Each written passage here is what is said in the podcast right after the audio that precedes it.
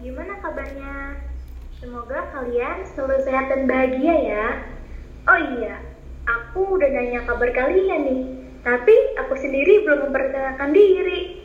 Nama aku Kamel. Nah, hari ini kita akan memulai episode pertama kita dari podcast, yaitu podcast psikologi pendidikan, di mana kita akan membicarakan dunia pendidikan dari sudut pandang psikologi. Dijamin bakal seru banget sih, karena kita akan mengulik tema-tema yang menarik nih. Oke, untuk tahu tema apa sih yang kita kulik kali ini, langsung panggil saja narasumber kita, Putri Ayu Sarinandi. Dia adalah mahasiswa psikologi di Universitas Bangunan Jaya, tapi dia akrab dipanggil Roro. Jadi biar enak kita panggil Roro aja ya guys. Halo Karmel, halo listener. Aku senang banget nih hari ini diundang untuk jadi narasumber uh, podcast psikologi pendidikan. Jadi tema yang akan kita bahas kali ini tuh adalah tentang planning dan juga pengajaran berpusat pada guru nih. Jadi apa sih itu planning? Nah, planning itu adalah perencanaan yang dibuat untuk suatu kegiatan agar kita tuh tahu apa yang kita lakukan ke depannya untuk mencapai goals kita atau tujuan kita. Banyak juga loh orang-orang yang sukses menghubungkan pencapaian mereka dengan perencanaan yang efektif sehingga mereka tuh tahu apa yang akan mereka lakukan untuk mencapai goalsnya itu. Nah, banyak juga nih yang bilang kalau gagal dalam membuat planning, kita juga bisa gagal dalam membuat uh, dalam mencapai tujuan kita atau goals kita nih. Wah, menarik banget nih. Padahal baru bahasan awal ya. Nah, karena ini psikologi pendidikan, jadi seberapa penting sih guru itu membuat planning? Wah, Kamel, penting banget nih. Karena menurut Brain dan Brain 2016, salah satu faktor keberhasilan guru itu adalah dengan merencanakan pengajaran. Di mana saat merencanakan pengajaran itu, guru melibatkan pengembangan strategi pengajaran yang sistematis dan juga terorganisir. Selain itu juga, dalam membuat rencana pengajaran, guru tuh harus tahu apa yang apa dan bagaimana guru tersebut mengajarkan siswanya di dalam kelas. Nah, dalam membuat rencana pengajaran, sekolah juga ikut serta loh dalam uh, Nah, sekolah kan juga ikut terlibat, di mana sekolah itu terlibat untuk mengawasi dan mengamati nih apakah guru tersebut menjalankan rencana yang ada atau tidak. Nah, aku ingat banget waktu itu waktu pas SD tepatnya, aku tuh suka bingung kenapa ya tiba-tiba kepala sekolah aku datang terus duduk di belakang kelas. Oh, setelah aku mempelajari tentang planning ini, ternyata kepala sekolah aku tuh lagi nilai guru tersebut tuh bener gak sih ngajarinnya uh, sesuai dengan rencana awalnya nggak sih gitu. Nah, strategi apa sih yang biasanya diterapkan oleh guru dalam membuat planning? Banyak banget tahu strategi yang yang diterapkan, tapi uh, ada empat strategi elemen elemen nih yaitu sifat dari materi pengajaran, uh, peserta didik, konteks dan peran guru. Salah satu perencanaan yang efektif banyak digunakan guru adalah memetakan mundur dari tujuan yang ingin dicapai dan pemetaan mundur ini uh, guru juga membuat aktivitas apa aja sih yang akan dilakukan dan elemen apa aja yang digunakan agar tujuan dalam perencanaan tersebut dapat tercapai. Nah, selanjutnya kita uh, bahas uh, perencanaan yang berpusat pada guru nih. Uh, jadi ada tiga alat umum yang digunakan dalam penerapan pembelajaran yang berpusat pada guru. Yang pertama itu tujuan perilaku, ada analisis tugas. Yang ketiga itu ada juga teks teks uh, sonotomi instruksional atau kualifikasi. Nah, yang pertama apa sih itu tujuan perilaku? Tujuan perilaku adalah uh, pernyataan tentang perubahan yang ingin guru lihat dalam kinerja siswanya. Menurut Mager 1962 dalam tujuan perilaku ini harus harus spesifik uh, dan ada tiga bagian juga nih dalam tujuan perilaku yaitu yang pertama ada fokus pada apa yang akan dipelajari atau dan dilakukan oleh siswa. Selanjutnya ada kondisi di mana perilaku akan terjadi di mana sebagai guru kita tuh harus mengevaluasi dan menguji apakah materi tersebut sudah sudah tercapai belum nah yang ketiga itu adalah kinerja kriteria kinerja di mana guru harus menentukan tingkat kinerja apa aja sih yang dapat diterima uh, yang dapat diterima. Nah, alat yang kedua kan ada analisis tugas. Analisis tugas itu adalah uh, tugas berfokus pada pencegahan tugas yang kompleks yang harus dipelajari siswa dalam bagian-bagian kecil agar mudah dipahami oleh siswanya. menurut Moyer dan Darling 1978 ada tiga alat uh, tiga langkah dasar nih dalam analisis tugas yaitu ada tentukan keterampilan atau konsep apa aja yang dibutuhkan siswa untuk mempelajari tugasnya. Nah, yang kedua ada sebutkan apa aja nih bahan yang dibutuhkan untuk melakukan tugas seperti tentunya kertas, pulpen atau pensil, bahkan kalkulator. Itu tuh harus dijelaskan secara uh, uh, secara terperinci gitu. Yang ketiga buat daftar semua komponen tugas dan urutkan apa yang harus mereka lakukan. Nah, alat yang ketiga kan ada teks uh, taksonomi internasional. Dalam teks ini terdapat tiga domain uh, dengan tujuannya masing-masing. Tujuannya itu ada apa aja sih? Jadi ada yang pertama tujuan kognitif, di mana terdapat enam tujuan dalam domain kognitif ini. Yang pertama ada pengetahuan dengan tujuan agar siswa tuh tahu e, memiliki kemampuan mengingat informasi. Nah, selanjutnya ada e, tujuan pemahaman di mana e, guru tuh e, pingin siswanya e, memahami tugas informasi dan dapat menjelaskan dengan kalimatnya e, sebagai pemahamannya. Nah, tujuan yang ketiga adalah aplikasi nih.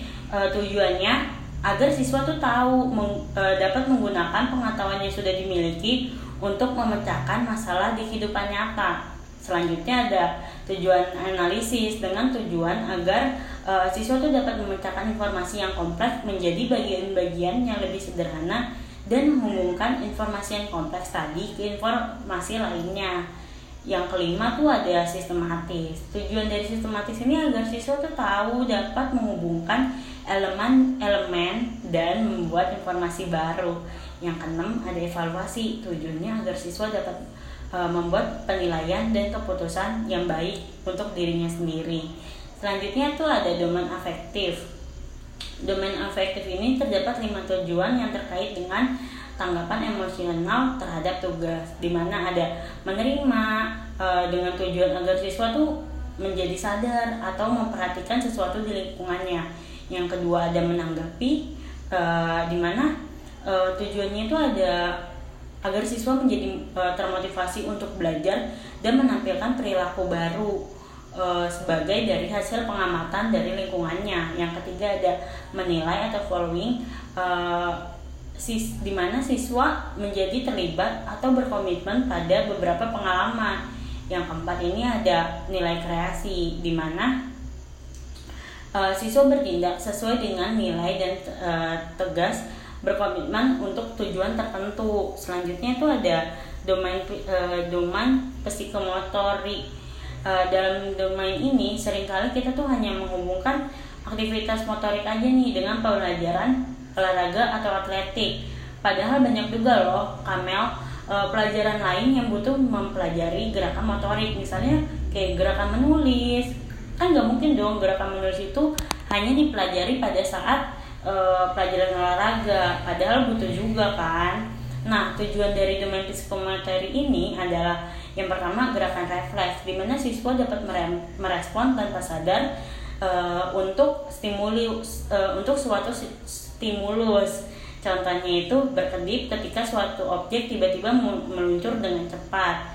Nah yang kedua ada dasar-dasar dasar-dasar uh, fundamental di mana siswa membuat gerakan dasar sukarela uh, diarahkan dengan tujuan tertentu. Misalnya nih memegang knob uh, Microsoft atau memutarinya dengan benar. Nah yang ketiga itu ada tujuannya kemampuan uh, uh, perceptual di mana siswa dapat menggunakan inderanya seperti melihat, mendengar, menyentuh untuk memandu upaya keterampilan mereka seperti menonton uh, menonton cara menggunakan instrumen dalam sains seperti atau mikroskop dan mendengarkan instruksi tentang bagaimana cara menggunakannya. Yang keempat ada kemampuan fisik di mana siswa mengembangkan keterampilan umum, ketahanan, kekuatan fleksibilitas dan juga ketangkasannya seperti berlari jarak jauh dan memukul softball. Yang kelima ada gerakan e, terampil di mana siswa tuh bisa melakukan keterampilan fisik yang kompleks dengan beberapa tingkat kemahiran nih seperti membuat sketsa gambar atau e, membuat lukisan gitu. Contoh yang se yang keenam ada perilaku non destructive di mana siswa mengkomunikasikan perasaan dan emosi melalui tindakan tubuh seperti melakukan pantomim atau menari untuk e, mengkomunikasikan karya musik. Oh gitu. Uh, nah, Ro, ada nggak sih strategi khusus buat guru nih dalam metode pengajaran ini? Wah, tentu pasti ada dong Kamel. Yang pertama tuh ada orientasi. Pada orientasi ini guru tuh akan mengarahkan siswa pada materi baru dengan cara mengulas materi sebelum hari itu, terus juga eh, yang kedua mendiskusikan tujuan materi tersebut. Yang ketiga juga ada memberikan instruksi yang jelas kepada gurunya eh kepada siswanya. Yang keempat ada menyimpulkan dan menggambarkan hasil dari pembelajaran tersebut. Nah, yang selanjutnya itu ada advent organis, uh, organize atau uh, nah dalam advent organis ini dibagi juga nih jadi dua bentuk yaitu exploratory dan komparatif di mana pada uh, advance organis exploratory itu guru memberikan pengetahuan yang baru di mana guru akan mengajarkan pelajaran yang yang akan dipelajari sedangkan Selanjutnya ada Advent Organis Komparatif, di mana guru akan memberikan materi baru dengan menggabungkan pengetahuan yang sudah dimiliki siswa. Selanjutnya tuh ada uh, strategi ceramah, menjelaskan dan mendemonstrasikan. Cara pengajaran dengan materi ceramah, menjelaskan dan mendemonstrasikan ini adalah kegiatan guru yang paling umum nih dalam pendekatan interaksi secara langsung terhadap guru.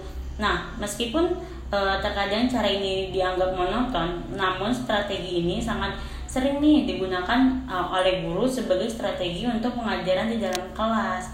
Selanjutnya ada strategi bertanya dan mendiskusikan. Dalam pendekatan pengajaran yang berpusat pada guru ini, bertanya, dan mendiskusikan ini cukup banyak tantangannya karena guru tuh perlu menanggapi kebutuhan pelajaran setiap siswa dan memperhatikan minat dan e, perhatian siswa di dalam kelas. Selain itu juga kan guru perlu menciptakan kondisi e, yang kondusif yang yang membuat siswanya dalam siswanya tuh dapat nyaman e, dalam belajar dan tertarik pada materi tersebut. Nah, yang keempat ada penguasaan pembelajaran di mana guru tuh juga perlu memiliki strategi untuk penguasaan pembelajaran untuk siswa yang dipelajari e, dari konsep yang akan dipelajari di kelas Eh, penguasaan pembelajaran ini akan berhasil apabila guru itu melibatkan tentukan tugas pembelajaran atau pelajaran dengan mengembangkan tujuan pengajaran yang tepat dan juga menetapkan standar penguasaan nih.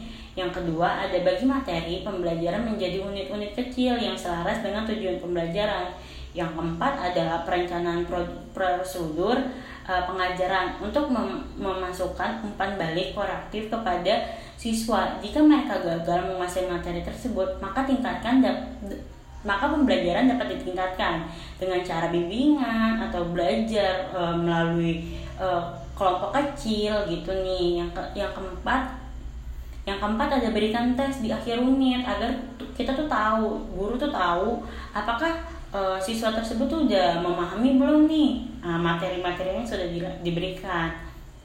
Nah, yang selanjutnya itu ada seat work di mana dalam strategi ini di dalam kelas tuh guru akan mencoba mengatur posisi yang akan membuat mereka menjadi suas uh, yang akan membuat suasana nyaman dan enak untuk uh, apa enak untuk siswanya tuh belajar uh, karena dalam kondisi yang kondusif yang nyaman sehingga tuh siswa tuh jadi lebih nyaman untuk belajar gitu. Nah dalam setwork ini tuh juga guru akan menyeting untuk kayak satu orang akan mendapatkan satu bangku dan satu meja agar mereka bisa mendapatkan e, kenyamanan dalam belajar di dalam kelas. Nah selanjutnya itu tuh ada PR atau pekerjaan rumah. Dalam strategi perencanaan yang berpusat pada guru ini, PR adalah cara yang baik agar siswa dapat mengulang materi di rumah dan dapat minimalisir pengaruh negatif yang tidak diharapkan oleh guru dalam rencana pengajaran.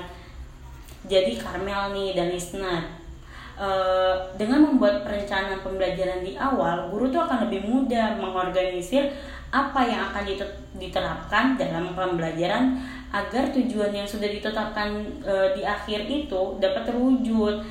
E, pada perencanaan juga guru dapat memaksimalkan dengan menggunakan pendekatan pengajaran yang berpusat pada guru agar tujuan yang ingin dicapai itu benar-benar bisa dikontrol dan dicapai oleh guru tersebut. Wah, seru banget ya kali ini.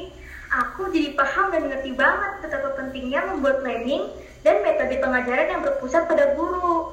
Makasih loh ya Ro, udah, sharing, udah sharing tentang topik ini. Jadi kita lebih paham, listener, listener juga pasti udah ngerti dong. Jadi podcast kali ini kita udahan dulu ya. Semoga podcast ini bermanfaat untuk kalian yang udah mendengarkan. Sampai jumpa di podcast psikologi pendidikan lainnya ya. See you!